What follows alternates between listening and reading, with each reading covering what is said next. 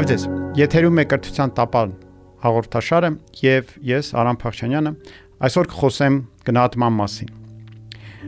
Երևի թե ձեզանից ոմանք լսել են, որ հանրակրթության նոր պետական չափորոշիչներում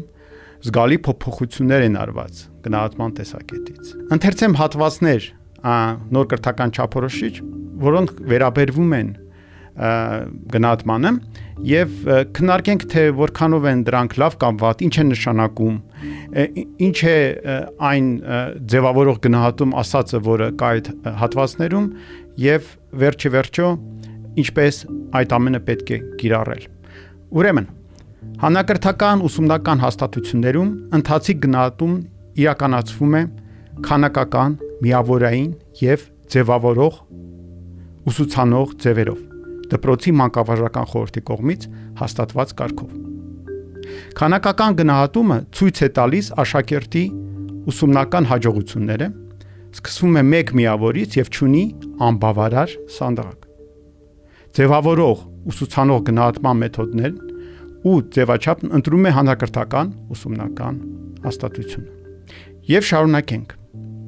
Առաջինի 4-րդ դասարաններում եւ 5-րդ դասարանի առաջին կիսամյակում միավորային գնահատում չի իրականացվում։ Ընթացիկ գնահատումը կատարվում է բնութագրման միջոցով։ Իսկ որպես տարեկան ամփոփիչ գնահատական կազմվում է յուրաքանչյուր սովորողի ուսումնական առաջադիմության բնութագիրը համաձայն կրթության պետական կառավարման լիազորված մարմնի սահմանած կարգի։ Մինչ 19-րդ դարի կեսերը Երբ դպրոցներում համատարած սկսվեց կիրառվել թվանշանը, միավորային գնահատումը, երեխաները գնահատականները ստանում էին ֆիզիկապես։ Իրենց պարզապես պատժում էին։ Ծեծում, ճիպոտում եւ այլն։ Լավ սովորողներին էին իդեպ ճիպոտում, զուտ պրոֆիլակտիկ կանխալքերման նպատակներով։ Սակայն շատ ավելի քիչ։ Իդեպ ճիպոտները որպես դաստիարակչական միջոց կիրառվում է Մեծ Բրիտանիայում միջև նախորդ դարի 70-ական թվականները։ Իսկ ցավոք շատ երկրներում դրանք արկա են մինչ այսօր։ Կան վկայություններ, որ միավորները որպես գնահատման միջոց սկսել են կիրառվել դեռ 17-րդ դարում ջեզվիտների կողմից իրենց դպրոցներում, որոնք հայտնի էին բարձր կրթական մակարդակով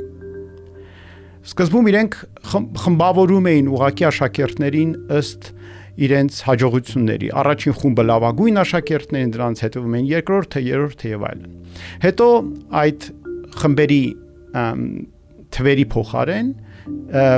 ամեն աշակերտի նկատմամբ սկսեց կիրառվել գնահատականը 1-ից մինչև 5։ Իդեպ մինչ այսօր Գերմանիայում լավագույն գնահատականը 1-ն է, ոչ թե 5-ը, ինչպես Ռուսաստանում եւ որոշ այլ երկրներում։ Համակարգված կերպով թվանշանային գնահատումը սկսել է իրականացվել 20-րդ դարի սկզբից։ Բազմաթիվ գիտնականներ, հոգեբաններ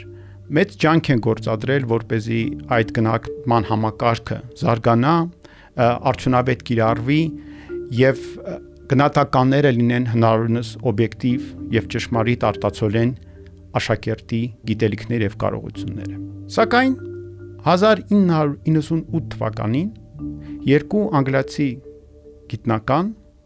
Փոլ Բլեյքը եւ Դիլան Ուիլյամը հրապարակեցին մի աշխատանք, որը ամբողջապես փոխեց վերաբերմունքը գնահատմանը կրթական ոլորտում։ Այն կոչվում էր Save to ներսում, ինչպես բարձրացնել կրթության չափանիշները դարսանային գնահատման միջոցով։ Իրեն շնորհիվ կիրառման մեջ մտավ ուսուցմանը նպաստող գնահատում եզրույթը եւ որը փաստացի այլ կերպ նաեւ կոչվում է ձևավորող գնահատում։ Այսօր արդեն ոչ ոք չի կասկածում, որ գնահատումը պետք է նպաստի ուսմանը, սակայն միջև այս գիտնականների աշխատանքը այդ միտքը այդ գաղափարը դեռ լայն տարածում չէր ստացել։ Իսկ արդյոք թվանշանային գնահատումը չի նպաստում ուսմանը։ Այդ նույն իրենց աշխատության մեջ Բլեյքը եւ Ուիլյամը պնդում են, որ ոչ, հակառակը, այն վնասում է։ Եվ եկեք բերենք այն փաստարկները, որ բերում են այդ գիտնականները։ Առաջինը. Երեխաները մտնում են մրցակցության մեջ։ Մրցակցությունը ընդհանրապես վատ բան չէ, բայց ոչ ամեն օր։ Այն խանգարում է համագործակցությանը, լարում է միջավայրը դասարանում։ Կենտրոնացնում է մակերեսային գիտելիքների վրա, չի զարգացնում երեխաների ցանկությունը սխալվել եւ սխալվելու միջոցով նոր բան սովորել։ Թվանշանը փակում է ուսման հերթական էջը երեխան, որը ստացել է գնահատական, այլևս չի ուզում անդրադառնալ իր թերացումներին, կարծես թե այդ հարցը իր համար արդեն որոշված է։ Երրորդը Թվանշանը կենտրոնացնում է սխալների վրա, այլ ոչ թե նպաստում է երեխայի զարգացմանը։ Թվանշանը պատժում է երեխային իր սխալների համար, իսկ կրթությունը սխալների միջոցով նոր բան հասկանալ։ Այստեղ պնդեմ մի միտք, որի հետ համաձայն են ժամանակակից առաջադեմ մանկավարժները, որ սխալների համար պատժելը կոպիտ մանկավարժական սխալ է։ Եվ չորրորդը գնահատականները, թվանշանային գնահատականները չեն բերում երեխային գիտակցություն, թե ինչ պետք է նա կոնկրետ անի իր թերացումներ ուղղելու, զարգանալու համար։ Իդեպ, երբ 19-րդ դարի սկզբներում Ամերիկայի Միացյալ Նահանգների որոշ համալսարաններում, օրինակ Յելի համալսարանում, սկսեցին կիրառել թվանշանային գնահատումը, համասարանի ղեկավարները եւ դասախոսները թաքցնում էին այդ գնահատականները աշակերտներից հենց նրա համար որ เป զի իրենց մոտ չձևավորվի մրցակցային մտածողություն եւ այդ թվանշանների ստանալը չդառնա ինքնանպատակ Միջև 20-րդ դարի 60-ական թվականները թվանշանները չէին օգտագործվում ուսուցիչների աշխատանքը գնահատելու համար կամ դպրոցի առաջադիմությունը որպես հաստատություն գնահատելու համար։ Դրանք հանդիսանում էին զուտ ուսուցչի աշխատանքի գործիք եւ ոչ ավելի։ Սակայն գնալով իրավիճակը փոխվեց։ Կրթական բյուրոկրատները գիտակցեցին, որ գնահատականների միջոցով իրենք կարող են անել շատ ավելի շատ, քան զուտ դիտարկել երեխաների աշխատանքը դասանում։ Նրանք կարող են համախմբելով եւ համադրելով գնահատականները եզրակացություններ անել ուսուցչի դպրոցի մասին, ամբողջ տարածաշրջանի կրթական իրավիճակի մասին։ Դա միանգամից բերեց նրան, որ գնահատականը դարձավ այսպիսի մի տարօրինակ միջոց մի կողմից խնդիրները թաքցնելու համար, մյուս կողմից հակառակը դպրոցը առաջ տանելու համար ոմանց աչքերում եւ իր սկզբնական նպատակը ել ավելի խեղաթուրվեց։ Նաև ծնողները սկսեցին ավելի ու ավելի ուշադրություն դարձնել գնահատականներին եւ կարծես թե մեկը մյուսից սկսեցին մրցել։ Իմ երեխան գերազանցիկ է, իսկ իմ երեխան, ասենք, անընդհատ բարձր գնահատականներ է ստանում եւ այդ մրցակցությունը ել ավելի սրեց գնահատականների թվանշանային միավորային գնահատականների բացական ազդեցությունը երեխաների կրթության եւ զարգացման վրա։ Եթե միավորային գնահատում այդքան վատն է, ինչի այն շարունակում կիրառվել։ Դրան մի քանի պատճառներ կան։ Առաջինը՝ կարիք կա ընդհանուր չափանիշների եւ այդ չափանիշներին ամեն աշակերտի համապատասխանության արձանագրման։ Դա առաջին եւ ամենակարևոր կետն է, բայց կան այլ պատճառներ։ Պետք է վերահսկել կրթության արդյունավետությունը եւ արտաքին գնահատումը, որը կատարվում է կենտրոնացած ինչ որ միջոցներով, շատ հաճախ օգնում է եւ նպաստում է խնդիրների վերահանմանը։ Երրորդը քննությունները ամեն դեպքում պետք են քննությունների միջոցով ընտրություն է կատարվում եւ շատ փուլերում կրթական զարգացման երիտասարդի քննություններ հանձնելը պարտադիր է։ Եվ չորրորդը տարական դպրոցում հնարավոր է ճանենալ գնահատականներ, քանի որ այն ծավալը հմտությունների եւ գիտելիքների, որ պետք է ձեռք բերի երեխան սովորելիս տարական դպրոցում, բավականին սահմանափակ է եւ դրան շուրջ հնարավոր է բնութագրիր գրել եւ բնութագրել ամեն հմտությունը